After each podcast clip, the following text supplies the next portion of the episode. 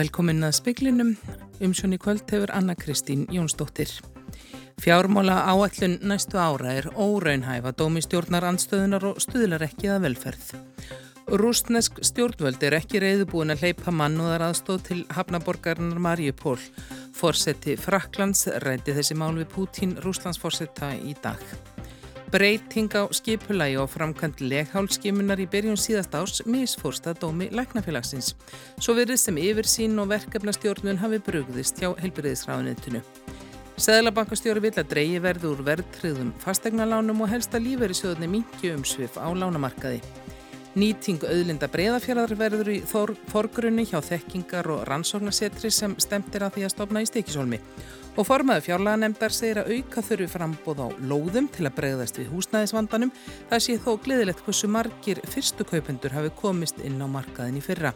Þingmaði Pírata segir vandan hafi aukist, röðin inn á húsnæðismarkaðin hafi bara lengst. Stjórnar andstaðan fer hörðum á orðum um fjármála áallun sem kynnt var í morgun, finnst hún óraunhæf og stiði ekki nægilega við heimilin og velferð.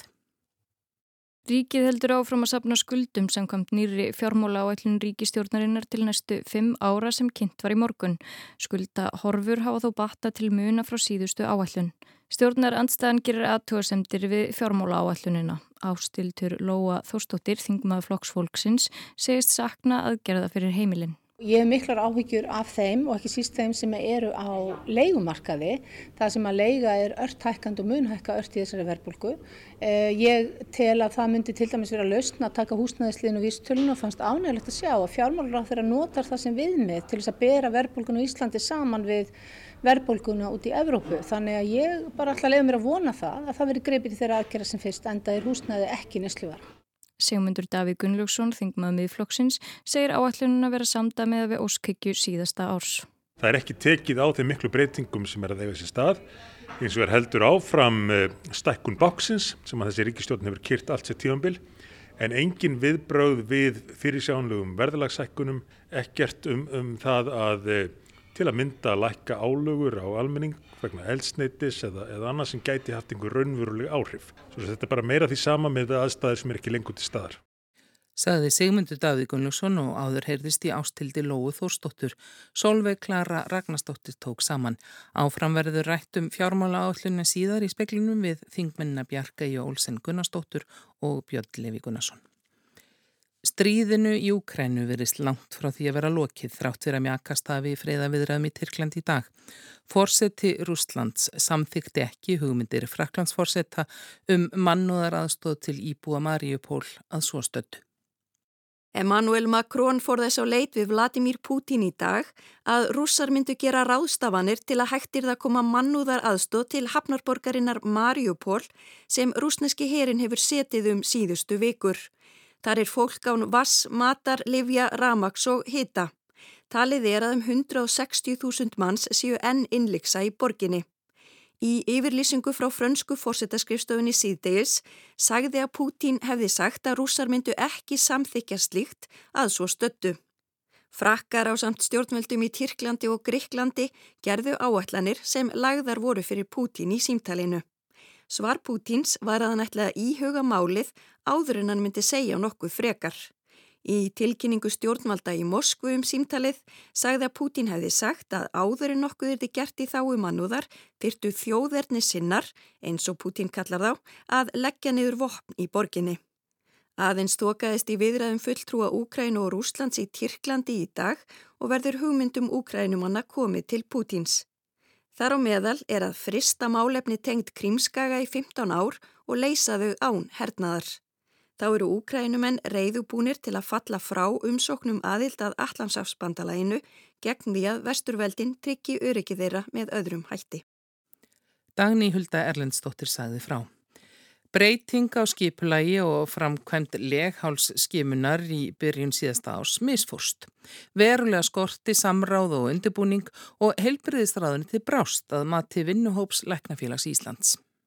Reynir Tómas Gesson, læknir og formaður vinnuhópsins, segir að þrátt fyrir að skimunaráð hafi meld með því að færa skimunina frá krabbmeinsfélaginu yfir í heilsugjastluna hafi ímislegt bröðist og nefni sérstaklega tímaþröng. Ég er nú vanur að fara varlega með orðið mistök. Þetta misfórst og fór bara ekki nægilega vel. Það var ekki nógu ákveðin og markvis breytingastjórnun að okkar mati og, og það var farið of geist í málinn og ekki aðtuga hvað, hvað mætti nú vera áfram á Íslandi ákveð að fara með alla greiningarstarfsefuna til Danmerkur eh, þegar að hefði vel mátt finna leiðir til að halda henni á Íslandi. Landlæknir hafði lagt til að ráðist yrði þetta í áfengum. Svo verið sem yfirsýn og verkefnastjórnun hafi brugðist hjá hilbreyðsraðunitinu. Reynir segir einni skrítið að ráðunitið hafi kýrt þessa breytingu í gegn þegar COVID-faraldurinn stóð sem hæst. Og þetta var uh, erfitt ferli sem að hefði þurft að fara öðruvísi og skoðast mun betur og uh, hefði eiginlega þurft að stíga á ákveðna bremsu í þessu og fara sér hæg. Reynir segir að margt hafi gerst síðustu þrjá mánuði og skimanur sé að komast í góðan farveg. Urður Örliksdóttir tók saman og talaði við reyni Tómas Gersson. Seðlabankastjóri segir að koma til greina að endurskoða reglur sem lúta lánveitingu lífeyrisjóðana og nú sé nýtt lánakerfi komið á í landinu. Þetta kom fram á opnum fundi efnahags og viðskiptanemdar í morgun. Þar sagðist Ásker Jónsson, Seðlabankastjóri, vilja sjá lífeyrisjóðana draga úr lánveitingum til heimila. Mikið hafi dreyið úr verðtreyðum lánum og óverðtreyð lán með breytilegum vöxtum hafi færst í aukana. Það auðveldi Seðlabankanum að hafa áhrif á stöðuleika með vakstabreitingum. Lífverðisjóðinir hafi ekki tök á að veita óverðtreyð lán á við getu bankana til þess. Það komi til greina að endurskoða þær reglur sem séu í gildi nú. Áskeir sagði líka bankana þurfað að sína samfélags ábyrð. Hann sagðist gera þær væntingar til bankana að þeir heldu utanum sína viðskiptavinni í ljósi þess að ríkið hafi stíið inn í og veitt ríkisábyrð fyrir þá hluta af lánasöfnum sem voru í mestri áhættu þegar krefti að eftir hrun. Gunnar Jakobsson var að Sæðlabankastjóri fjármála stöðuleika, tók undir þau orð og sagði frumskilirði að bankanir og fyrirtæki síni samfélagsábyrði í lánveitingu til heimila. Það séu eðlileg og góð viðskipti. Þó tók hann fram að það þýti ekki að bankanir eigi að verleggja vexti á rángan hátt miðað við undirleikjandi áhættu. Hafdís Helga Helgadóttir tók saman.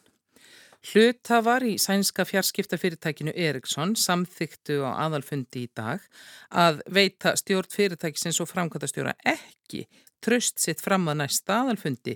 Slíkt er yfirleitt formsatriði en svo var ekki í dag. Framkvæmtastjórin og stjórnin voru enga síður endurkjörin. Ástæðan fyrir vantröstin eru fregnir af mögulegum greiðslum Eriksson til triðiverka samtakana Íslamska ríkisins í Írak og nánarmá lesum þetta á rúf.is. Stemt er að stopnum þekkingar og rannsóknasettus í stikkisólmi þar sem áherslan verður lögð á nýtingu auðlinda breyðafjaraðar. Hugmyndin var mótuð eftir að rótgróði fyrirtæki með tugum starfsmanna hætti störfum í fyrra. Tillaga um stopnin þekkingar og rannsóknasettus við breyðafjörð kemur frá starfshópi um eblingu atvinnulífs í stikkisólmi með aðkomu byggðastofnunar og samtaka sveitarfélaga á Vesturlandi. Hópurinn var settur á stopn eftir að fiskvinnslan Ágússon EHF hætti starfsemi í Stikisólmi í fyrra. Það var högg fyrir atvinnulíf bæjarins. Ágússon hafi verið þar í nær 90 ár með meira en 30 starfsmenn. Jakob Jörgun Jakobsson bæjarstjóri segir að setrið eigi að hvetja til samvinnu og styðja við frumkvöðla á Snæfellsnesi. Mun vera samilu vettongur vísindustofnana hér á svæðinu, samstarfsaðli við, við atvinnulífið til þess að geta sótt fram á svæðismyndu styrkleikum sem að felast einna helst í auðlindu breyðafjörðar. Hann segir tækifærin fjöl mörg í matarkistunni breyðafjörði og að þegar sé ími starfsemi í hólminum þar sem séu tækifæri til nýsköpunar. Við erum með til dæmis starfsemi hér í Ígulkerjum, við erum með gráslipu sem er að mínum meiti ónýtt að vannýtt auðlind Hugmyndin hefur þegar verið kynnt ráðherra þar sem leitast var eftir samningi um rekstrarframlaglíkt og við önnur þekkingarsettur á landsbyðinni. Ráðherra háskóla nýsköpunar og yðnar tók mjög jákvæmt í þessar hugmyndir og við skoðum þetta áfram með okkur þannig að næstu skrifi er að kynna þetta öðrum hagaðunum. Fjölmörgum hefur verið bóðin aðild að setrinu, þar á meðal rannsóknarsetri Háskóla Íslands á Snæfellsnesi, Náttúrustofu Vesturlands, Minjastofnun Vesturlands og sjávar rannsóknarsetrinu Vör, sem þegar hafa öll aðsetur á Snæfellsnesi. Við erum sjá fyrir okkur að við geta unnið þetta með markvísum hætti þannig að við séum að stopna þetta nú síðar á þessu ári ef allt gengur upp. Sagði Jakob Björgvin Jakobsson, Elsa Maria Guðlug Strífudóttir talaði við hann.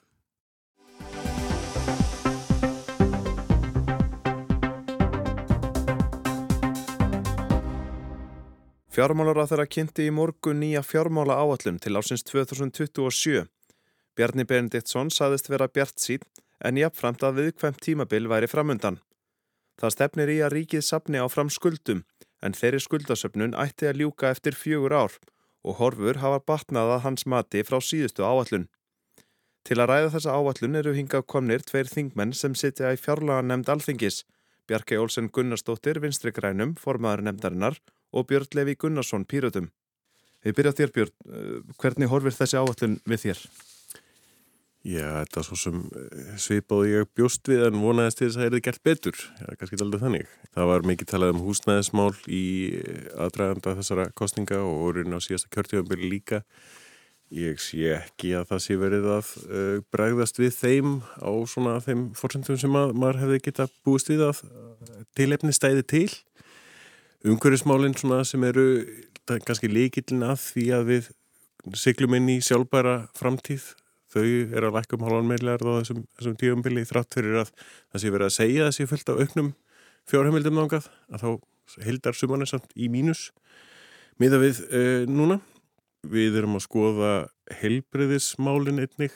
Þau eru alltaf erfitt að púsla sig fram úr þeim að því að það er líka verið að byggja spítalan sem klárast á 2006 þá lækkar fjár, fjárframlegum 10 miljardar, það er peningurinn sem er að fara í bygginguna og saman tíma erum við að glíma við þessa, þessa skýrslu sem er nýkominn frá McKinsey um, um stöðu spítalans og stöðu helbreyðskerfarsins og nákvæmlega sviðsmyndin sem er dreyin upp þar um það í hversu miklum vanda við verðum ef við bregðumstum ekki, ekki við núna, að það er það sem við verðum að gera í fjármálagallinni nákvæmlega það sem að er varað við að ef það er ef bara gert þetta mikið, bara vera að fylgja tekjabrásta aukningu um svona, öldrun og svo framvegis, bara að fylgja þessum, þessum ferli yngra breytinga í rauninni, að þá munum við lenda í miklu mandræðum árið 2040 og rauninni fyrr. Og það er nákvæmlega það sem það verður að gera, tekjabrásta aukning. Hvað segir þú Birkir, hvernig horfður þetta við þér? Nei, ég er auðvitað ekki alveg sammála kannski í byrni lefi. Við erum uh, að halda áfram í rauninni að byggja upp uh, það sem við höfum verið að gera síðustu fjögur árin þessa félagslegu innviði og, og uh, jafnvægi í ríksfjármálun sem eru þetta gríðarlega mikilvægt líka, við meðum ekki gleyma því. Uh, við erum að stiðja við rannsóknir, við erum að setja til dæmis hérna í kringun 25 miljardar til að við alltaf stuðningi við rannsóknir og nýsköpun. Það er eitt af þessum sem við teljum að skipti verulegum áru til framtíðar. Við erum að setja talsverða fjármunni líka áfram í byggingu Nýslandsbítala og til tækjakaupa uh, af því það var hér nefnt. Við erum að setja rífilega þrjá miljardar aukningu í geðheilbriðismálinn og svo framvegist. Þannig nei, ég tel að við séum að, að uh, halda áfram sannarlega uh, á, á góðri braud. Auðvitað er verkefni framöndan ærin og það er alveg ljósta að það sem við heldum verið búið þegar COVID liðundir loka, það er auðvitað ekki búið í ljósi stríðsins og það er kannski sem að, það er aflenga sem að það getur haft í förmið sér. Um, þannig að svo þetta búið við það hafast að umhverju og annars líkt að við einhvern veginn virðumst ekki sjá fram í tíman nema östut og við höfum nú glýmt oft við það í fjárlega nefnd að hagspár hafa ekki endilega gengið eftir. Og það eru þetta eitthvað sem að e, gæti orði viðvarandi og við þurfum að fylgjast mjög vel með. En ég held að við séum að, að leggja hér fram alveg hreint ágæta fjármála áallun en auðvitað við svo eftir að kafa betur ofan í hana í fjárlega nefnd og svona lesa okkur í gegnum tölunar þegar að einmitt á heldina er litið í, í fjárfrálmjöðum þó að þetta sé viðbót viðbóta framlög, er þá í heldina, er heldar útkoman í eins og til dæmis heilbreyðismálum, er hún að aukast?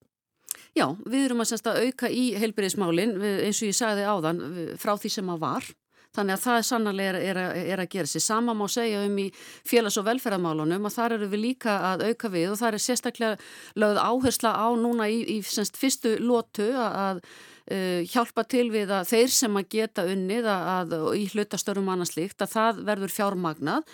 Þannig að það verður hægt að koma því á koppin og svo við þetta er verið að endur skoða hvaða og hvernig best er að uh, segja, taka í skrefum uh, að steyðja við þá sem eru í, í tryggingakerfin okkar og það verður gert að tímabilinu. Við erum að bæta í framlög til uh, húsnæðisbóta talsverðin fjárhæðum þannig ég tel að við séum að styrkja þessa innviði hér. Uh, við erum að auka þá um 500 miljónir á næsta ári húsnæðisbætur að því ég sé að félagin minn ristir hér höfuðið Þannig að það er til dæmis uh, miða við spáum fjölda leyenda og þá eru húsnæðisbætur 7,7 miljardar. Björn, þú hristir höfuðið? Já, ég hristi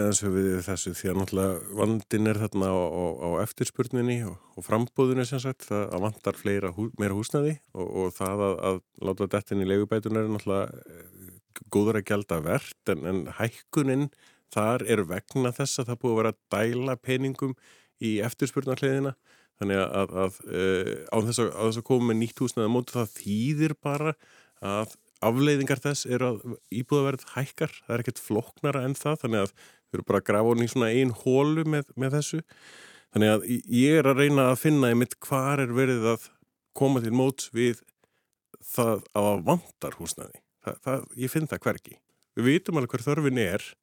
Það, það er komið í skýslum húsnaðis og mannverkstofnunar og það er ekki verið að mæta þeirri þörf þannig að, að ég, ég skil ekki hvað, hvað uh, ríkistunum er eiginlega að segja með þessari fjármáðallin hvað það var þar Má ég aðeins grípa þetta? Uh, Má dreina Já, ég meina að því að ég hlustaði nú á viðtal við fórsetta ASI uh, á rása eitt emitt eftir fréttinnar í dag þar sem að komi alveg fram að þó það, það húsnæði sem að byggt höfu verið, þar sé þetta félagslega leiguhúsnæði sem að byggt höfu verið, að það er 30% af því er mistakosti að hálfu eða sem sagt með tilstöðlan ríkisframlega og það er lóðaskortur og hérna Bjark hefur þurft að skila inn fjármunum, stopp hérna, fjárframlegum vegna þess að það hefur ekki geta nýtta í byggingar. Þannig að ríkisjóður er til til þess að leggja fram fjármunu í þetta verkefni en auðvitað við vitum það alveg að það, er, e, það þarf að auka lóðaframbóð, það þarf að gera það hraðar og það vitum við, við erum búin að vera að funda talsvöld um húsnæðismál uh, í fjárlaganemdini og þar hefur það komið fram að við erum að reyna að gera kerfi skilvirkara þannig að, að, hérna, að það verði hægt að byggja, verði hægt að hérna, gera það hraðar heldur en gert er. En sko ég vil endilega segja um, sko af því hér er verið að tala um að það sé bara verið að auka á eftirspurnarliðina. Ég gleðs með þeim 7009 fyrstu kaupundum sem að náða að kaupa sér á síðasta uh, ári. Þannig að, að það hefur ekki verið fleira frá upphæfumælinga Aldurinn er í kringum 30 ára sem er yngra heldur en verið hefur. Þannig að ég auðvitað sko hafna, hafna því samt sem áður að þetta hafi ekki skipt máli að þetta unga fólk hafi geta keft sér húsnæði í staðin fyrir að vera heima hjá foreldrum eða út á erfiðum leikumarkaði. En ríkisjóður einn og sér leysir ekki það að byggja húsnæði. Það er alveg ljóst. Hérna er verið að tala um hvernig að af þessum 44 aðgerðum sem átagshópur um húsnæðismálaði þegar árið 2019 hefur 27 verið lokið og 15 aðgerðir enn í, enn í vinslu en byðurinn hefur bara lengst. Þessi 7000 komast vissilega að en það eru þá ennþá fleiri að býða eftir ennþá dýrara húsnæði þrátt fyrir að búið að ljúka þessum aðgerðum. Vandin er enn til staðar og verri heldur en það var.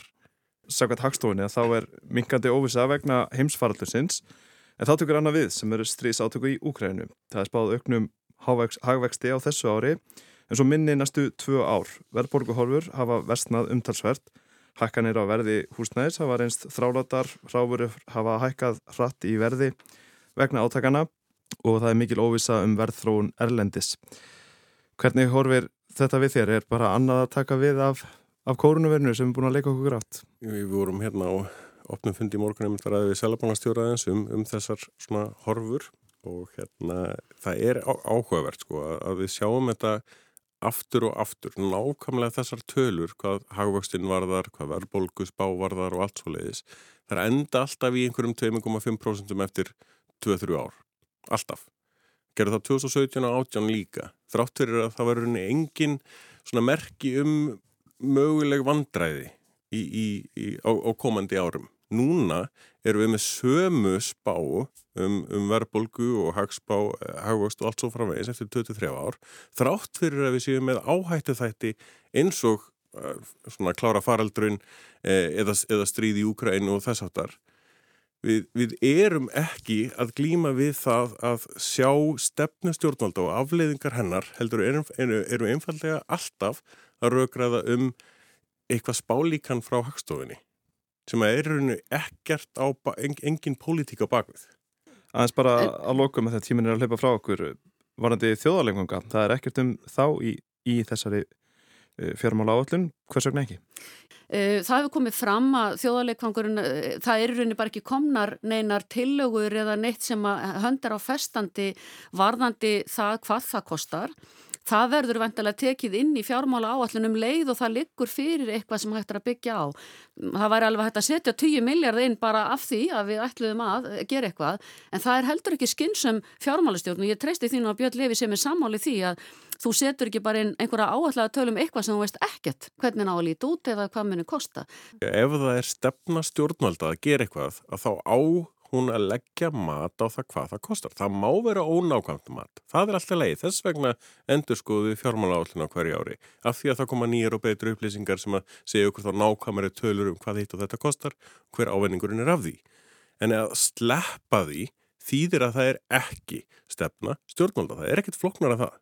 Ég er bara algjörl ósamála þessu, bara, en það kemur það fram í stjórnarsáttmála og það er búið að lýsa því yfir. Það skiptir ekki máli, ef það er ekki í fjármálaátluninni þá er það ekki stefna stjórnmálda. Það er ekki gert ráð fyrir því sem hluta af fjár, fjármála áallun ríkisins. Nú þurfum við að lesa textan saman. Ég er gert það mjög mikið því að verður hlakka til slík samlæstur. Endur það, þið farið í þann samlæstur, við komumst ekki lengra. Takk hjá það fyrir komuna í speilin, Bjarki Jólsen, Gunnarsdóttir og Björn Levi Gunnarsson. Takk. Takk.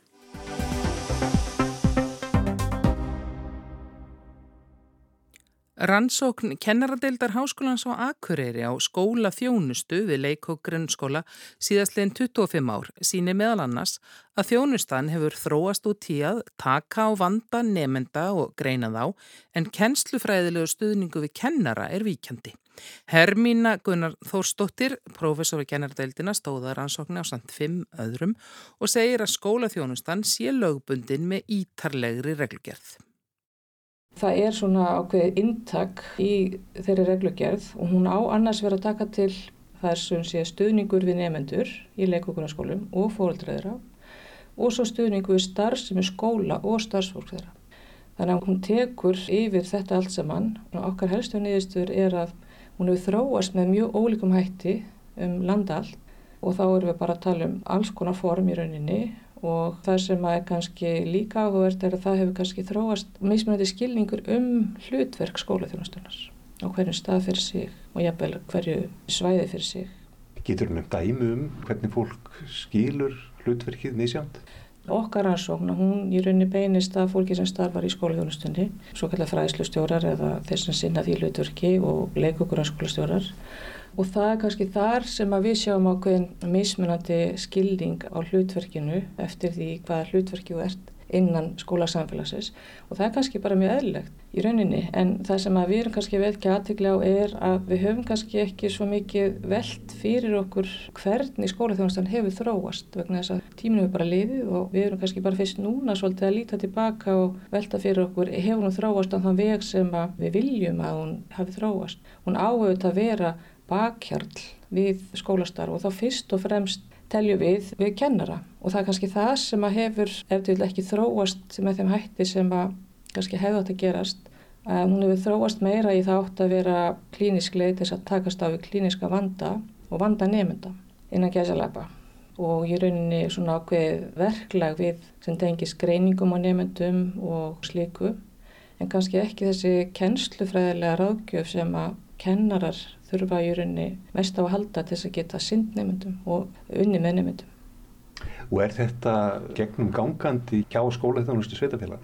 Já, þessi klíniska nálgun, hún er í rauninni gegnum gangandi og er svolítið ábyrjandi í okkar gögnum og það er kannski það sem við höfum verið að reyna að vekja aðteglega á að við þurfum svolítið að velta fyrir okkur hvort að það sé eðlegt að skólaþjónusta beinist með þessum hætti að einstaka vanda nefnda eða sem skólinn kannski skilgreinir sem vanda nefndans í staðan fyrir að vera einn faglegi kjænslufræðilegi bakgrunnur fyrir kennara.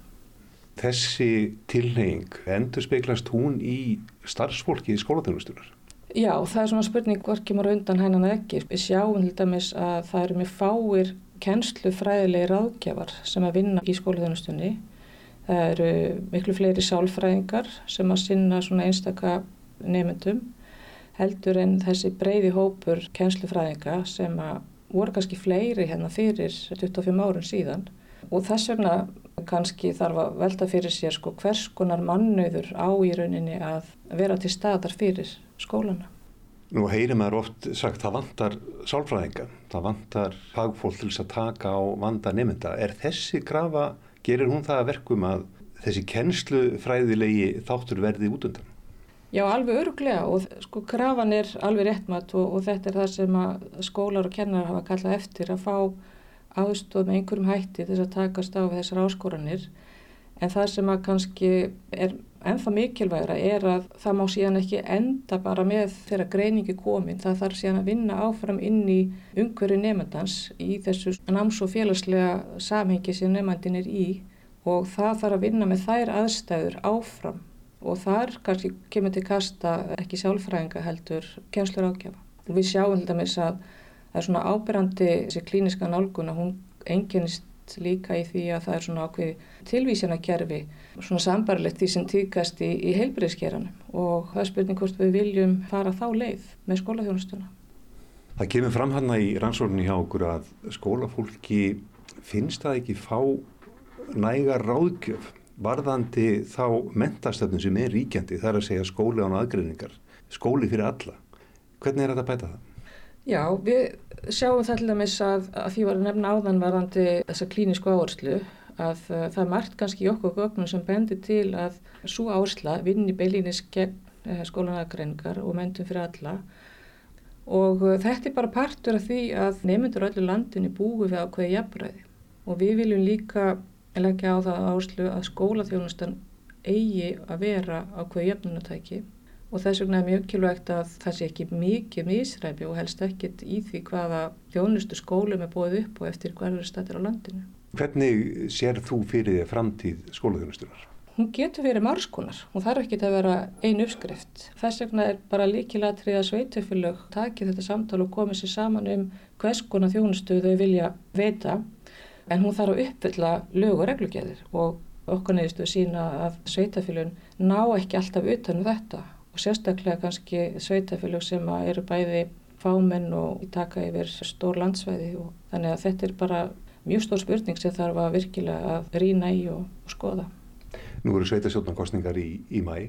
Finnst þér sveitastjórnar fulltrúar, pólitíkusarnir í sveitastjórnarnum sína þessu málflokki áhuga? Sko hinga til hefur mér ekki fundist það nei, sem er mjög áhugavert vegna þess að skólaþjónusta bara í stóru sveitafélagum, hún er bara stórt og mikið batteri og kostar fjármunni, svo tölunum ekki um það.